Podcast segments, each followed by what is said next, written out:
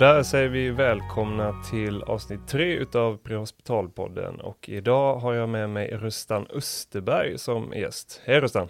Hej, hej, hej! Välkommen, välkommen ska du vara till Prehospitalpodden. Eh, tack så mycket och tack för att jag fick komma. Tackar, tackar. Eh, jag har ju bjudit hit dig idag för att vi har temat eh, militärsjukvård som vi ska prata om och du har ju jobbat både inom, eller arbetar inom ambulanssjukvården och även inom den militära biten då. Eh, ja, det stämmer. Jag arbetar eh, civilt för ambulansen i Göteborg. Och så har jag gjort, gjort totalt tre stycken utlandsmissioner, eh, men en av dem var innan jag blev sjuksköterska, den var på Balkan. Och två missioner gjorde jag i Afghanistan. Och då med en, ja, med en slags sjukvårdstjänst ändå får jag säga att det var. Så jag arbet, har arbetat både militärt och civilt. Och det militära känns jag kvar det att jag arbetar delvis som instruktör. Eh, för, eh, för Förmedse i Göteborg. Så vi utbildar bland annat de som ska gå och göra missioner just nu i Mali och så utbildar vi en viss kurs som heter eh, Tactical Combat Casualty Care. Så den arbetar jag fortfarande i. Så att du har ändå kvar en del eh, inom det militära då fortfarande? Ja, och när jag gjorde min sista mission så sa jag till min sambo där att ja, men nu, nu är jag klar med detta. Eh, och så skulle vi ha barn och då sa jag att nu ska vi inte åka ut på fler missioner. Eh, men så kom, man vill ju ändå åka ut mer igen, så jag har sagt att när barnen blir större så vill jag kanske åka ut igen. Och då vill jag ändå behålla någon slags kompetens detta, så jag försöker ändå ha en fot kvar i det militära. Okej, okay. men är du med på några stora övningar och sånt också, eller är det bara som instruktör just nu? Just nu är det bara som instruktör, det finns inte tid till annat. Ja, okay. Ja, nej, men som du säger, det är väl gött att hålla kvar en liten fot inne i försvaret då, om du ändå tycker att det är kul. Eh, ja. Mm. Men eh, hur kom det sig att du hamnade inom sjukvården då? För, gjorde du någon militärsjukvård eh, inom lumpen så, eller hur funkar det? Eh, nej, gud nej. Det fanns inga som helst tankar för mig att jobba inom sjukvården när jag var yngre. Eh, min värnplikt gjorde jag som vagnchef på eh, stridsfordon 90 på pansar. Eh, så jag, min värnplikt var att läsa karta och prata radio och, och kriga med vagnar. Jag hade ingenting med sjukvård att göra alls. Eh, och efter min värnplikt, jag tyckte det var väldigt kul att just den här själva tävlingsbiten eh, i det militära, att få tävla i, i krig om man säger så. Att få, få vinna de här vagnstriderna. Så jag trivdes väldigt bra med min värnplikt. Så när den var klar så kom en av mina eh, löjtnanter, eh, Jesper Sparre och frågade om inte jag ville följa med till Kosovo eh, med honom då. Och det gjorde jag och även den tjänsten var som en slags vagnchef fast på en pansarbandvagn istället. När var detta? Vilket år? Och det var, eh, var 2001. Ja. Hur var läget där nere då? Då var det jättelugnt. Mm. Det var inte alls som Afghanistan utan det var en väldigt bra första mission. Man fick en infot i det militära livet där igen och fick lite kontakter och fick, fick lite vana i hur det var att arbeta utomlands. Men det var inte på något sätt några stridigheter. Nej, det kanske var skönt att börja med en sån eh, mission då? Ja, och speciellt när jag ändå var så pass ung. Jag var direkt efter min värnplikt och jag skulle vara chef över tre stycken individer. Så det var väldigt nyttigt. Ehm, men, men att jag blev eh, sjuksköterska, det var, ja, då visste inte jag vad jag ville bli när jag blev stor så att säga. Eh, officer fanns inte på tankarna, så mycket, så, så kul var det inte. Eh, jag ville kanske starta ett eget företag, men det föll för att jag inte visste vad jag ville sälja eller bygga. Eh, eller så tänkte jag på att bli lärare, eh, men det var inte heller så lockande. Och så fanns det en kille där i Kosovo, en kollega som arbetar som sjuksköterska på akuten i, i Varberg tror jag. Och han sa så här, ja men om du inte vet vad du vill bli, så ta och sök till sjuksköterska och plugga till det, så kommer du i alla fall träffa tjejer medan du, eh, du funderar på vad du vill bli. Eh, så jag blev sjuksköterska för att träffa tjejer. Det är inte alls för att jag tyckte att det här var häftigt eller så, utan det, ja, mycket dumt, mycket dumt. Träffade du några tjejer då? Ja, eh, Maria nu som jag har två barn med, henne träffade jag på nollningen. Eh, så jag träffade en tjej och den rätta tjejen.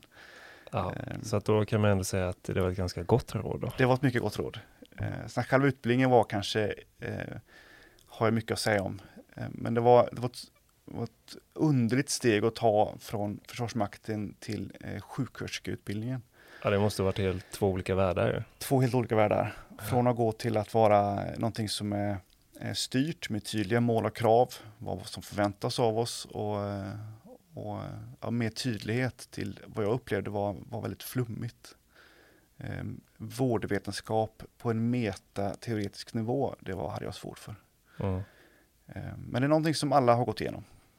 Det är ju det och eh, den typen av kunskap passar ju bättre för vissa än vad ni gör för andra kan jag tänka mig. Eh, ja, jag fick, eh, ja, ja men de, det är gjort. De åren är gjorda. Mm. Jag kommer inte göra om dem igen. Nej. Vad, vad tog du vidare sen då efter eh, sjuksköterskeskolan? Vad, vad var första jobbet sen? Ja, när jag var klar med utbildningen så var jag så otroligt bitter. Eh, jag tyckte inte att jag var så kompetent som sjuksköterska mot vad jag tyckte mig behöva. Så jag fick för mig att eh, jag skulle göra, då fanns inte basår som finns nu, utan jag skulle göra ett basår eller några basår, jobba lite olika ställen för att ackumulera någon slags kompetens i detta.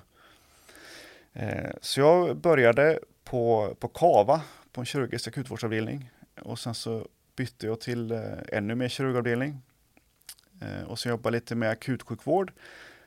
Och sen var planen att jobba lite med hjärta och lite med barn och så skulle jag hoppa runt lite. Men jag kom till hjärta, jag jobbade på HIA. och sen så tyckte jag att nej, men nu får det nog vara dags att åka ut igen, åka utomlands. Så gjorde jag min första mission eh, igen då i Afghanistan. Och då pratar vi år? Då pratar vi eh, 2009. Mm. Om jag minns rätt. Och då är vi på FS? Eh, FS 18 var detta. Mm. Eh, men jag gjorde en mission i något som heter OMLT. Eh, vårt förband hette Operation Mentoring and Liaison Team. Och vårt jobb det var att att stödja den afghanska armén. Så vår enhet bestod främst av officerare som skulle Eh, gå med deras counterpart i afghanska armén. Så vi hade någon som gick med eh, kompanichefen och någon som gick med en, en, liknande bataljonschef och så gick man med och så stöttade man dem med allting de gjorde. Så åkte kompaniet ut och gjorde någonting och då åkte vi med. Eh, och min, min själva funktion där, det var att man skulle ha en grupp som hjälpte officerarna eh, som hette Support Section och vi skulle kunna stödja med allt. Så där fanns det människor som kunde meka med fordon och det fanns folk som var duktiga på samband och eh, ja, och så fanns det då sjukvård naturligtvis. Och vi hade en, en ren sjukvårdsgrupp som var en, eh, en riktig ambulans kan man säga, bepansrad ambulans och så var det en narkosläkare, eller han var han hade den, den perfekta kombinationen i kompetens. Han var narkosläkare och eh, distriktsläkare. Dubbelspecialist i perfekt kombo. Och så en ambulanssyrra på detta. Eh, eh, och den stora funktionen för oss det var att skapa eh, säkerhet för våra officerare. Och min tjänst det var väl egentligen eh, eh, rubriken är soldat snedstreck sjuksköterska. Så jag var i första hand en soldat, eh, som alla andra soldater. Eh, så det var en soldat som hade soldat snedstreck förare och han var soldat och sen var han dessutom en förare och jag var soldat och dessutom en sjuksköterska. Eh, så i en liten enhet så var jag ansvarig för sjukvården. Ja, och det, det tror jag att det är inte kanske så många som vet in, om man kommer från den civila världen att man är ju faktiskt alltid soldat i första hand. Jag tror att det där kan ju bli en väldigt stor eh, kulturkrock. Det har jag upplevt själv i alla fall när man varit på mission att eh, många är ju så i grund och botten sin eh, civila profession då, till exempel ambulanssjuksköterska. Och det, det är svårt att och kanske inte ha den rollen som soldat och när du är, du är så inpräntad i att du faktiskt ska bara rädda människor men att ta steget då över att kanske att du måste ta ett liv också. Det, det är väldigt främmande för många och ganska svårt hinder att ta sig över. Ja, det var en bra diskussion där om det här med Röda Korset. Eh, ska man ha det på sig eller ska man inte ha på sig? Och ska man ha på sig det, då, kanske, då ska man kanske inte vara, vara beredd att, att verka med sitt vapen eller, eller vara med och, och, och ta terräng mot fienden, utan då får man kanske vara en, en ren sjukvårdsgrupp. Eh, och, och, min tjänst i Afghanistan, det var, det var avsevärt mer soldat än vad det var sjuksköterska. Eh, men i och med att Omelte var så pass, det var, det var nytt, Eh, och man visste inte riktigt vad, vad det innebar. Man visste att man skulle följa en, en afghansk enhet Sen om den gav sig iväg på, på en lång, lång patrull och åkte ner till södra Afghanistan, och då skulle vi åka med. Och skulle man vara kvar i norra så är vi med där. Och kanske är det så att kompanierna delar på sig, som det faktiskt blev. Ja, men då får man också dela på sig. Eh, så att ibland så opererade vi med en, eh, en sjukvårdsgrupp, en ambulans. Och ibland så var jag den enda människan i gruppen som hade sjukvårdskunskapen. Eller sjukvårdserfarenheten i alla fall. Vi fick ju faktiskt utbilda folk på plats. Hur, hur, eh, om vi ska gå tillbaka lite eh, innan ni kom ner, vad, vad fick ni för utbildningar liksom för att ni skulle vara redo för den typen av miljö? Eh, man, man går ju alltid en så kallad missionsutbildning när man åker på någon typ av utlandsmission. Då. Hur såg din ut? Eh, jo, men den var, får säga att den var jättebra den utbildningen. Det var nästan ett års tid som man fick rycka in igen då och bara öva sig in, inför det här. Eh, så man får öva sig. Sjukvårdsdelen var, var delvis Göteborg. Eh, och då hette det eh, Battlefield Advanced Trauma Life Support, eh, BATLS. Eh, och det, ja, men det är lite mer, på den tiden så var det lite mer avancerad eh, sjukvård, lite mer ja, avancerat så kanske man kunde sätta thoraxdrän eller man kanske kan kanske göra en kirurgisk luftväg om det var nödvändigt. Ehm, och Sen så fick man lite mer mängdträning i att faktiskt hantera de situationerna. Så man övade först väldigt basic och lugnt. Eh, kanske hade en patient på sex stycken människor som vårdades. Och sen så stegrades detta hela tiden. Så sista veckan, sista dagen så hade man kanske, ja, man gick ut på en patrull på sex personer och så skadade sig fem. Och så började man att vårda någon och sen så fick man sluta vårda för att någon började skjuta på en. Fick man besvara elden och fick man kanske dra tillbaka någon soldat i skydd och så fick man fortsätta vårda och så fick man mer och mer stress på sig. Och just det här stegrandet när man håller kurser tycker jag är jätteviktigt. Att man börjar lugnt och så ökar man successivt så att man hela tiden får den här utmaningen. Och det kände jag att missionsutbildningen var jättebra på det sättet. Eh, att jag fick, jag fick verkligen mängdträna på saker. Ja, jag tänker att eh, har man då inte kanske så jättemycket militärerfarenhet med sig från början så måste man väl nästan börja så för att eh, det är en typ av sjukvård som vi inte är så vana vid att jobba civilt med. Alltså en kirurgisk luftväg, det är, det är inget man slänger sig med på ambulansen eller en distriktsmottagning. Nej, det tror jag man har svårt för att göra om man är erfaren narkosläkare på, på akuten. Det är nog inte ofta man gör det. Men det är någonting man måste kunna för att ibland så finns det inget annat, eh, annan möjlighet. Och skillnaden mellan civil sjukvård och militär sjukvård är kanske att eh, jag har inte så mycket material och jag måste, jag måste göra det bästa jag kan med den materialen jag har. Och ibland så kanske jag har material för, för två skadade och så får jag tre skadade. Ja, men då måste jag tänka, hur gör jag då? Vem ska jag prioritera? Vad för material ska jag prioritera? Eh, så det är många utmaningar, men det är också ganska eh, intressanta utmaningar mm. som jag uppskattar. Ja, det blir verkligen ett steg till i det här att kunna hålla huvudet kallt och eh, som du säger, det, man måste ju verkligen prioritera om du får en stor skadeplats och eh, med den begränsade mängden utrustning du faktiskt har med dig. Kanske på ett OMLT då. Mm. Eh.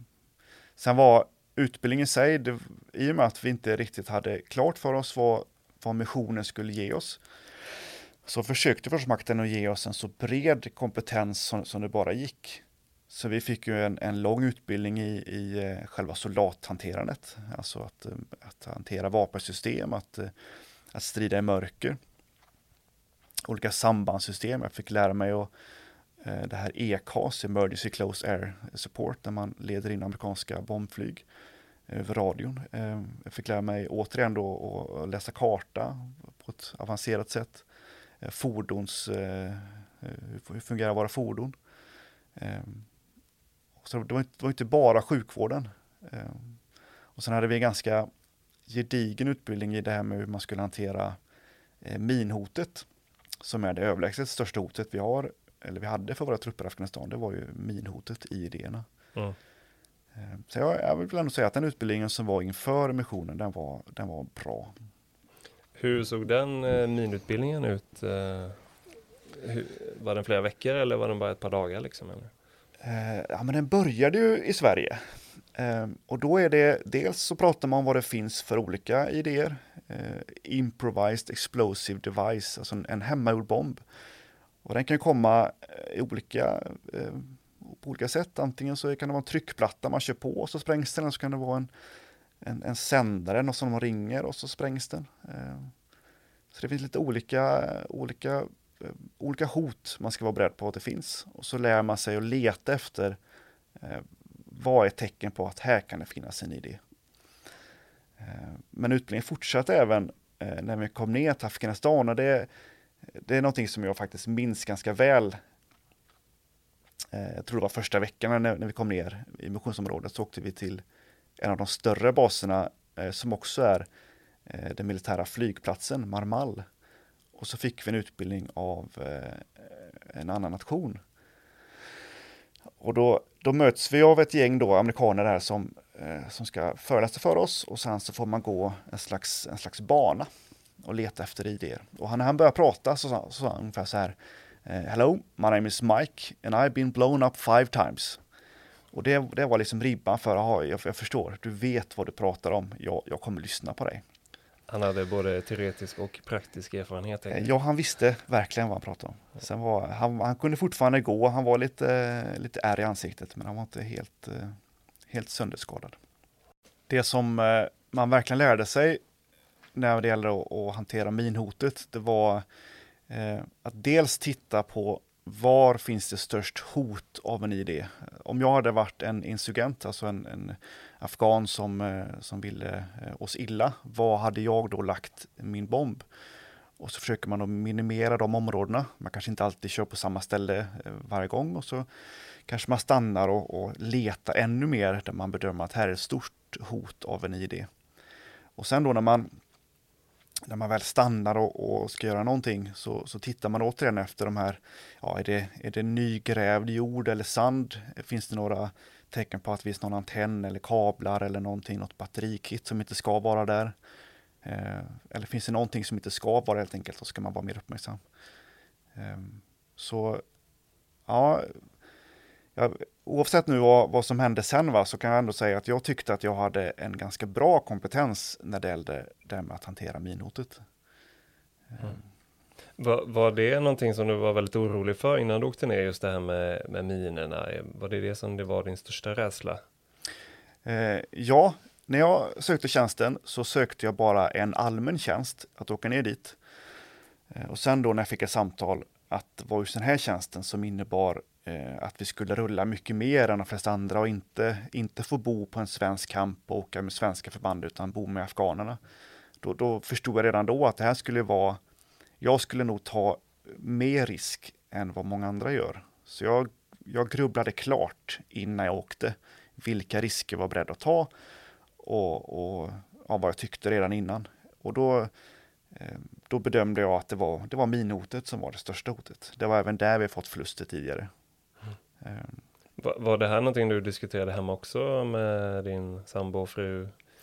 Ja, jo men det pratade vi om. Ja. Och det är klart att man, man tänkte väl att eh, ja, klart man kan dö och, och, man kan bli av med sina ben och man kan jobba som sjuksköterska utan ben. Eh, så jag, nej men jag, jag tycker att man ska, eh, man ska inte tänka katastroftermer hela tiden, men man ska ha tänkt, eh, man ska ha tänkt klart innan man åker. Eh, om det här händer, kan jag leva med det då? Eh, och det gjorde jag. Vad, eh, tyckte du att eh, du fick eh, någon bra eh, liksom, ingångsvärden där från Försvarsmakten också? Alltså, pratar man om sådana här saker under missionsutbildningen eller är det någonting som man får ta hemma på kammaren? Eller? Eh, det fanns eh, officerare som, som tycker att eh, man ska inte prata om, om negativa saker för mycket. Och så fanns det officerare som tycker som jag att man ska förbereda sig så mycket det bara går. Eh, jag minns någon gång när vi eh, när jag övade sjukvård med min lilla grupp. Vi var fyra personer då som kanske skulle få åka iväg ensamma med våra officerare, där jag var ensamma sjuksköterskan. Där jag tvingade dem att bli eh, väldigt kompetenta eh, sjukvårdare. Både på läkemedel och stoppa blödningar och allt det här. Eh, då minns jag att någon officerare tyckte att, ja men herregud, du kan ju inte tänka att du ska bli skadad, det kommer ju inte gå.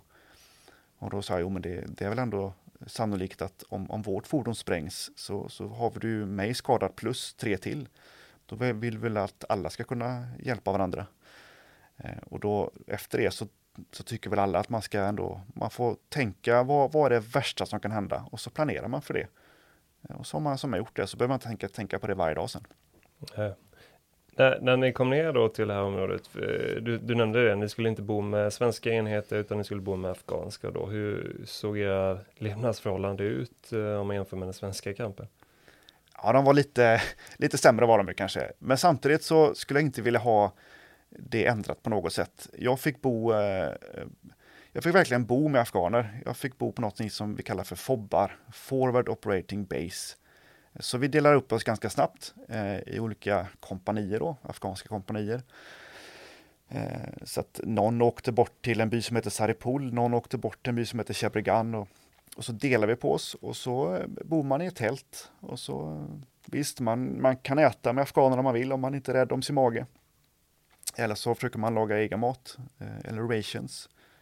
Eh, och jag, en av våra kollegor i gruppen, han kunde språket. Så jag försökte lära mig språket lite varje dag. Jag kan inte påstå att jag kan så mycket idag, men lite försökte jag. Men jag har, eller vi har ändå fått uppleva den afghanska kulturen nästan varje dag. Och det är något som jag inte hade fått kanske om jag hade bott på en svensk kamp. Eh, plus att vi ändå fick eh, anstränga oss för att, för att få det ganska så drägligt. Och vi fick bestämma själva och fick ta egna initiativ. Och, alltså det, var, det var väldigt mycket positivt, vill jag säga. Mm. Hur ser er utrustningsnivå ut eh, när ni är på de här fobbarna? Har ni, eh, liksom, har ni någon typ av eh, sjukvårdsenhet eller någon vårdcentral eller det är bara ni kanske? Oftast är det bara vi och det, ja, det var lite olika. Det, det finns ju, ju längre missionerna gick desto mer utrustning fick vi.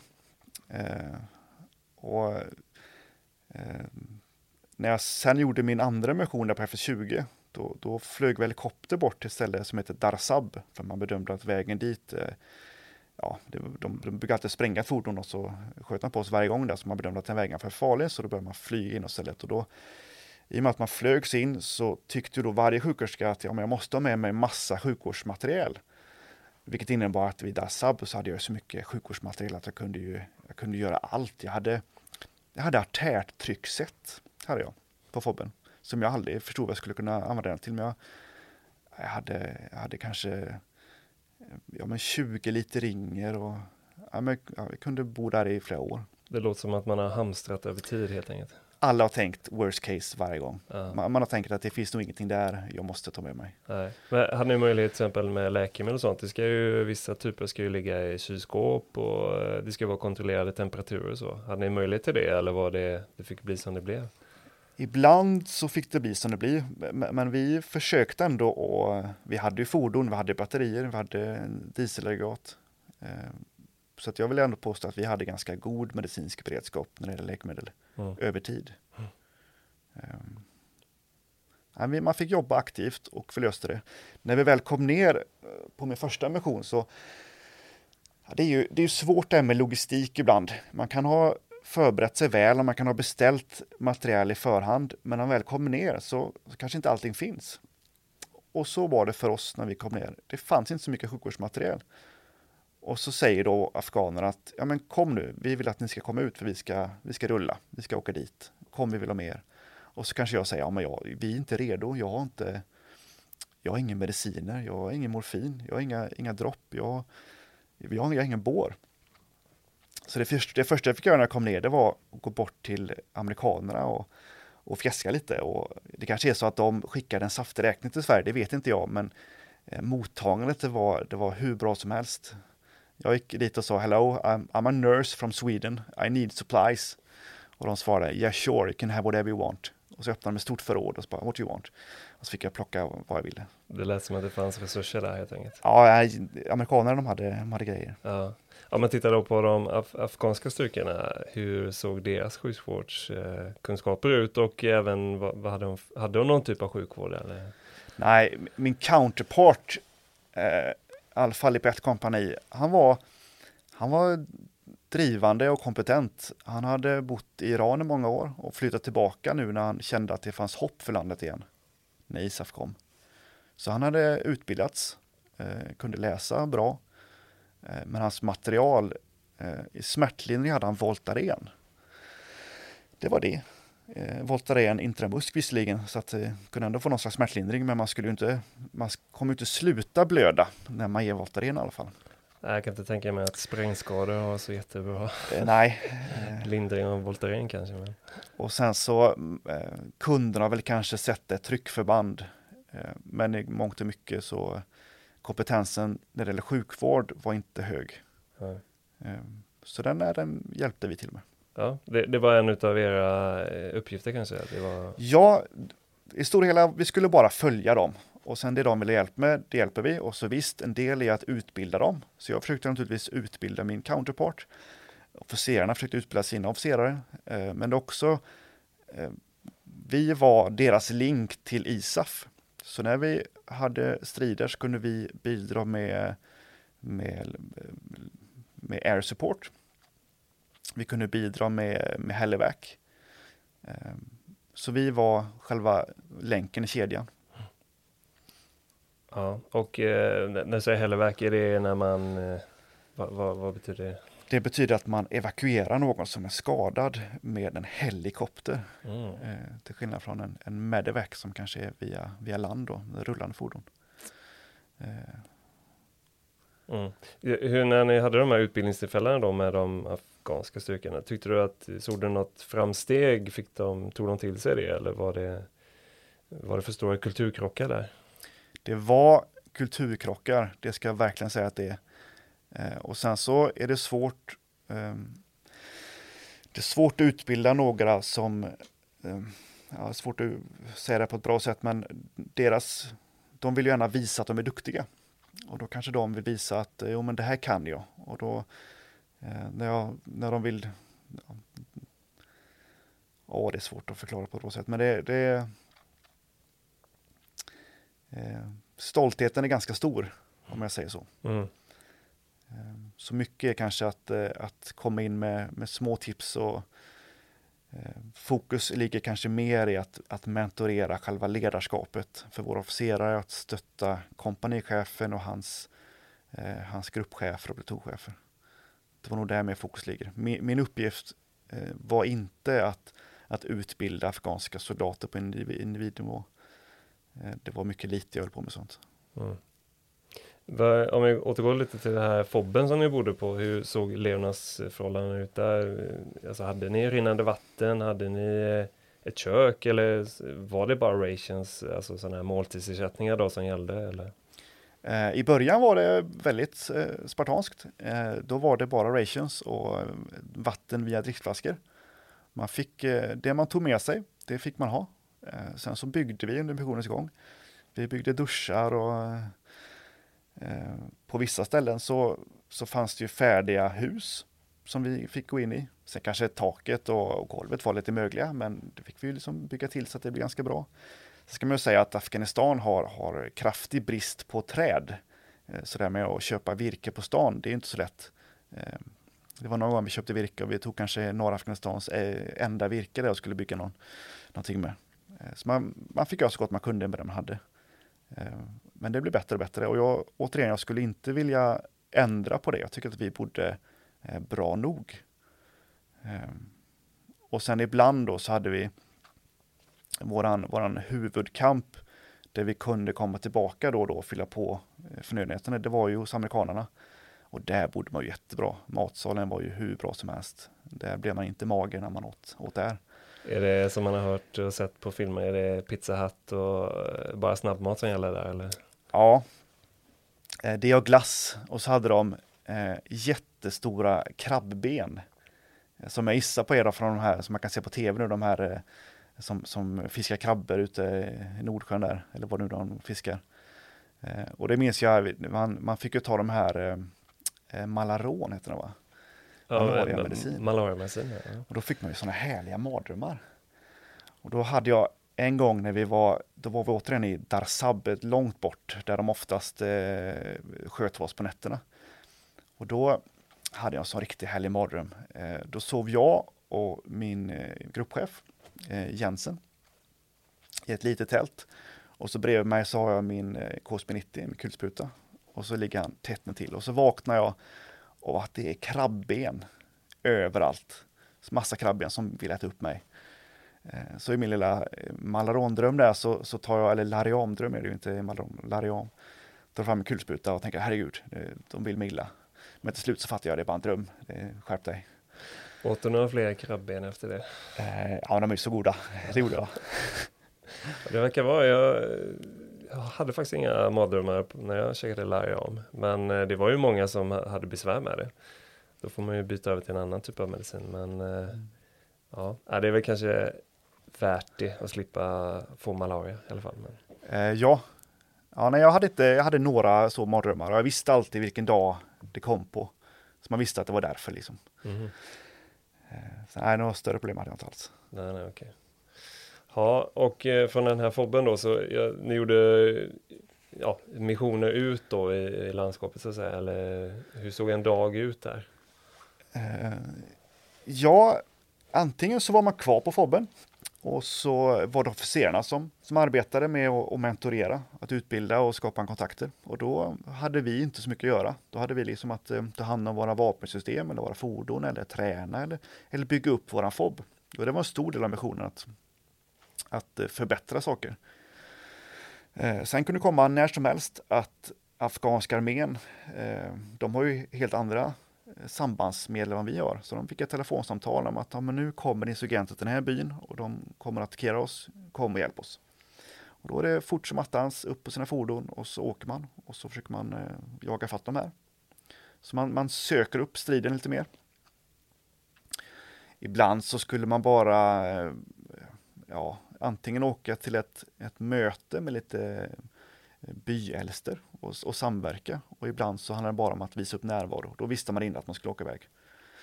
Eh, så det var en kombination av att sitta på en, en fob och förbättra eller på att snabbt åka iväg och, och, och patrullera. Hände det ofta att ni fick åka iväg så oväntat eller var det ändå sällsynta fall? Det blev mer och mer. Eh, Afghanistan har lite mer eh, att på, på vintern så är det ganska lugnt när det är kallt så, så vill man inte strida och sen när våren kommer så, så strider man mer. Så ju, ju varmare det blev, desto mer eh, så blev det. Mm, det är lite säsongsbundet sådär nästan. Ja. ja. det är klart. Det är, man vill inte kriga när det är kallt. Alltså. Nej, det är jobbigt. Speciellt om man krigar i flipflops. Ja. Eh, då, då, är det, då drar man sig för detta när det är snö ute. Eh, vad, vad var din upplevelse kring motståndarens eh, förmåga? Var det en stark fiende eller? Motståndarens förmåga var, den är överlag ganska svag. De, de, vi har ju bra mycket bättre vapensystem. Eh, sen så hade de alltid, i och med att de, eh, en försvarande eh, motståndare har ju fördel i att han bestämmer nära hur och var. Så återigen var det ju, var det ju bombhotet som var Eh, det största. Och nästan alla mina eh, alla gånger som vi hade tick, det här Troops in Contact, som man säger att ja, men då, då har man motståndare. Det började med att de sprängde ett fordon och sen sköt de på oss från antingen från en höjd eller från någonstans där man inte riktigt kunde komma åt dem. Och sen så sprang de därifrån. Eh, så de hade ju eh, bomben som inte alltid kunde, som inte kunde försvara sig mot. Men deras, eh, jag kände inte att det var så sannolikt att de skulle eh, kunna köra över oss eh, med sin andra våg så att säga. Där bedömde jag att vi var fler och bättre vapensystem. Mm. Om man tänker, du var ju på FS18 då, hur såg eh, kvaliteten ut på bomberna just då? Det brukar ofta vara så att de är ganska dåliga initialt för att sedan bli starkare och större och göra mer skada. Hur såg det ut just för dig? Ja, tidigare så hade man ju eh, åkt softskins, alltså obepansrade fordon, när man åkte sina patruller. Och då spränger man ju, då bygger man bomber för att kunna spränga de fordonen. Eh, och under mina missioner så sprängde de aldrig ett av våra fordon. Eh, jag har varit med på, på två stycken sprängda fordon. Eh, en gång så eh, var det en polis, eh, afghansk polis, och han dog omedelbart. Och då var ju hela bilen sprängd. Uh, och en, andra gången så var det uh, afghanska kompanichefen som vi skulle mentorera som sprängdes. Det var min första strid. Uh, och där så sprängdes, jag antar jag att det var när däcket gick på. Eh, för då var det som främ, främre delen av fordonet var sprängt. Eh, och det, det var kanske lite mindre laddning, oklart att veta det. Men, eh, så jag, jag kan inte svara på om de hade planerat att spränga ett av våra lite tyngre fordon eller om de siktar in sig på det de vet att de får verkan i. Men det är bara frågan hur mycket man vill bygga. Och senare missioner så har man ju lyckats att spränga andra fordon också. Mm. Vad, du nämnde det att det var din första tick där. Vad, sköt de på er då också eller? Ja, min första, eh, det var på vägen, eh, ja, återigen då på vägen mellan Darsab där, i en by som heter Kurstepa, som är på vägen till Darsab. De var på väg tillbaka. Eh, och då började de med att de sprängde ett fordon. Och då satt jag som, eh, som tornskytt, bemannade vårt vapensystem på, på taket. Eh, och då hade vi med oss vår sjukvårdsvagn. Så jag var primärt inte den som skulle ta hand om patienten. Ehm. Och när bomben går, då, eh, ja, men då, då vet vi att fienden, vi hade ju fått rapporter innan om vad de brukar göra, så vi vet att fienden skulle antagligen kunna slå på oss. Och på höger sida så har jag en dalgång och en, en by eh, ganska övergiven by, men ändå hus. Och sen längre bort så är det kullar. Och på vänster sida så har jag direkt en ganska så flank kulle. Eh, så det är ganska, jag har svårt att se så långt åt vänster.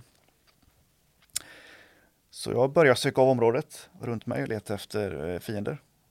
Eh, och det första jag gör är att jag, eller jag, jag ser att det är människor som rör sig vänster om mig på kullen efter några minuter. Så jag, jag riktar upp mitt vapen dit och är beredd Eh, och så ser jag att eh, ja, det, det börjar skjutas. Och ser jag att den som är vänster om mig eh, skjuter, fast han skjuter inte på mig, utan han skjuter över mig. Eh, mot, mot byn eller mot kullen längre bort. Och jag eh, det var svårt då att se vem det här var. Efteråt så vet jag att det här var ju afghanska arméns soldater som på något sätt hade skapat eh, ett runt omkring försvar. Ehm, så att jag är glad att jag hann se vem det var och varifrån han sköt innan jag sköt. Men då visste jag att ja, men då har han vänsterflanken för mig. Så då kunde jag rikta mitt vapen eh, höger mot klockan tre där och så ser jag var det är de skjuter ifrån. Och det är ganska långt ifrån de skjuter.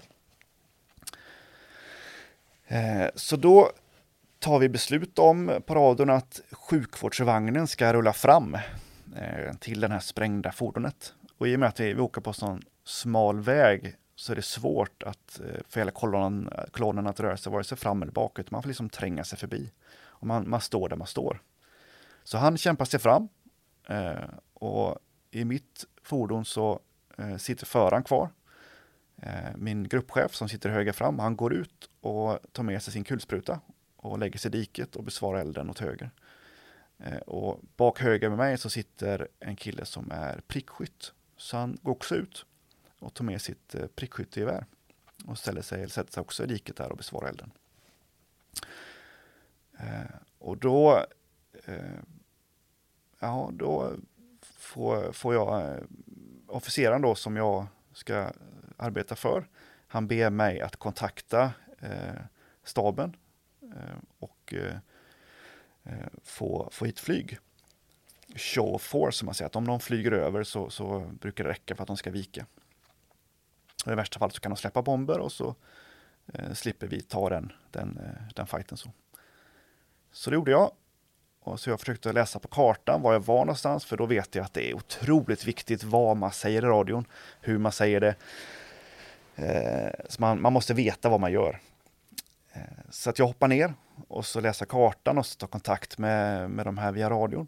Och det går ganska fort eh, innan de kommer.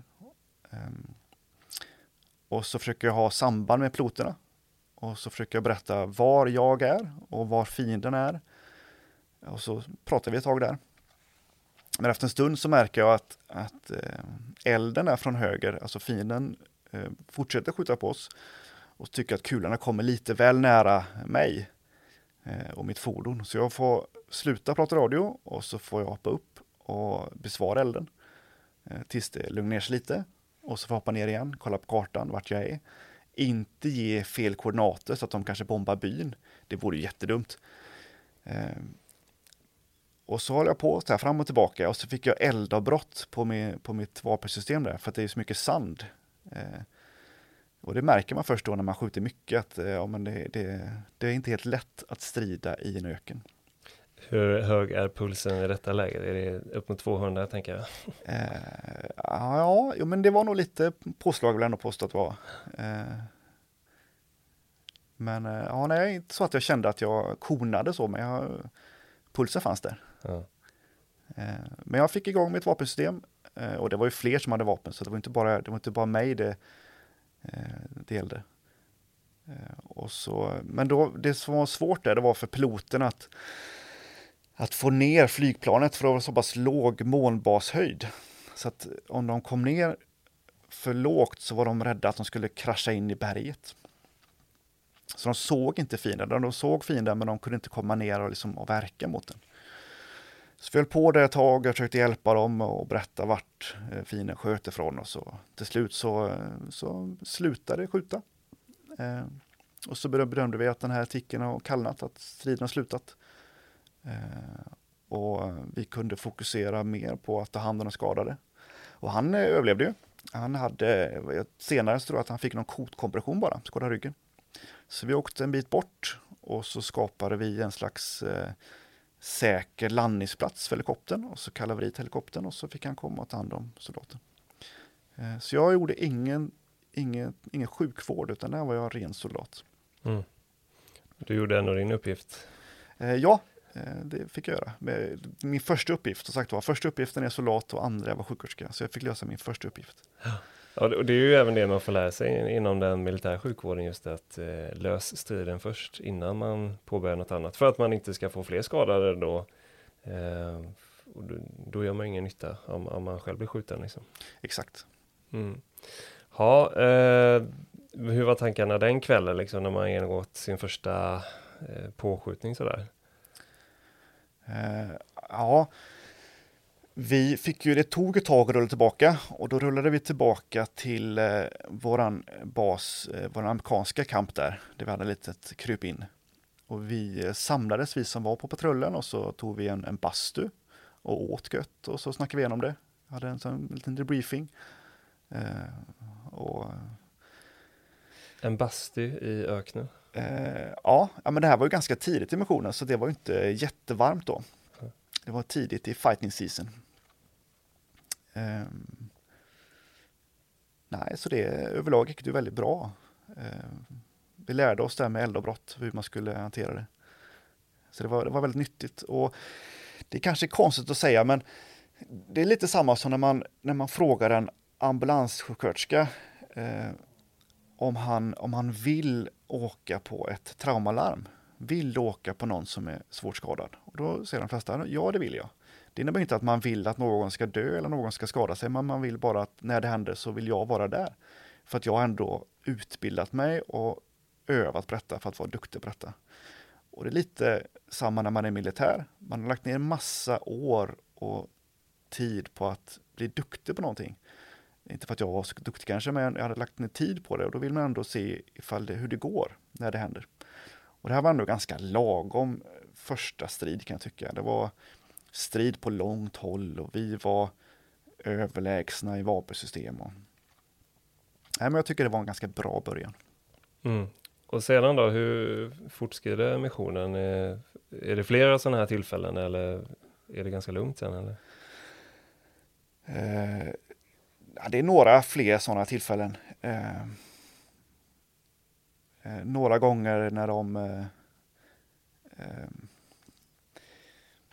Ja, men det, det, är främst den vägen där de, eh, de anfaller oss.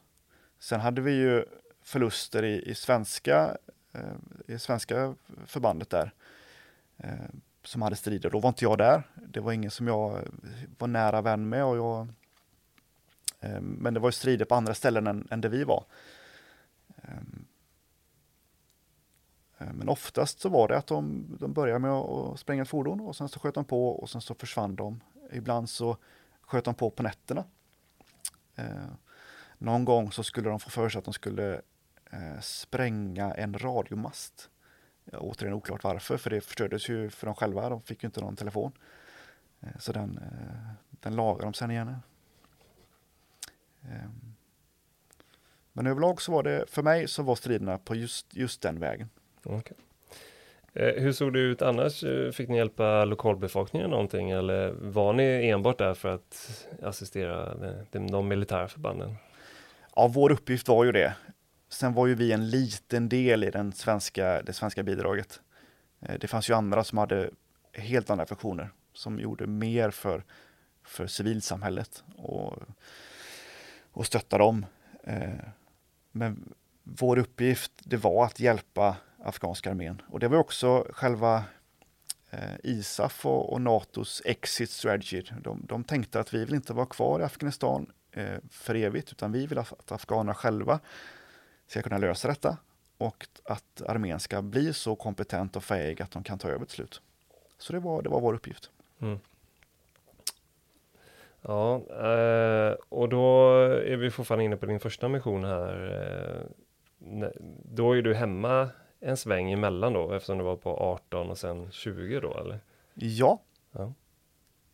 Det stämmer. Det stämmer. Och eh, hur var känslan att, att, komma hem där sen när man har varit på en sån här mission? Ja, nej, men man saknar ju det lite, ska jag säga. Jag, den gruppen som jag åkte med, Eh, de eh, personerna har jag skapat ett jättestarkt band med vi ses ju varje år och jag skulle vilja påstå att det är några av mina absolut bästa vänner. Några av människor som jag har det absolut största förtroendet för man kan ha. Eh, och det, det är klart, det får man ju när man har varit med om sådana här saker. Så när jag kom hem så, så saknade jag ju det här och ja, det var ju lite därför jag åkte igen, därför att det var en kollega från det här gänget som sa att du, vi har en vakans här, eh, vill åka ner igen? Och då klart, ja visst, ja, det är klart jag åker. Mm. Eh, man blir biten av utlandsmissionsmyggan eh, eller vad säger man? Ja, det, det sägs ju det att antingen så ska man göra en och sen lämna. Eller så gör man flera och då lämnar man aldrig. Mm. Så jag, eh, jag kanske är biten då. Du kanske är biten. Ja, eh, nu har vi faktiskt pratat här nästan i eh, ja, ett avsnitt här, så jag tänker innan vi går in på din mission nummer två, Rusten, så tänker jag att vi, eh, vi klipper här och eh, kör detta som del ett och sen så kommer lyssnarna få höra på del två lite längre fram här då. Tycker du det känns okej? Okay? Det känns helt okej okay med mig. Ja, men det är bra. Då tackar vi så mycket för detta avsnittet och eh, då kommer ni alltså få höra del två som nästa avsnitt. Tack för idag.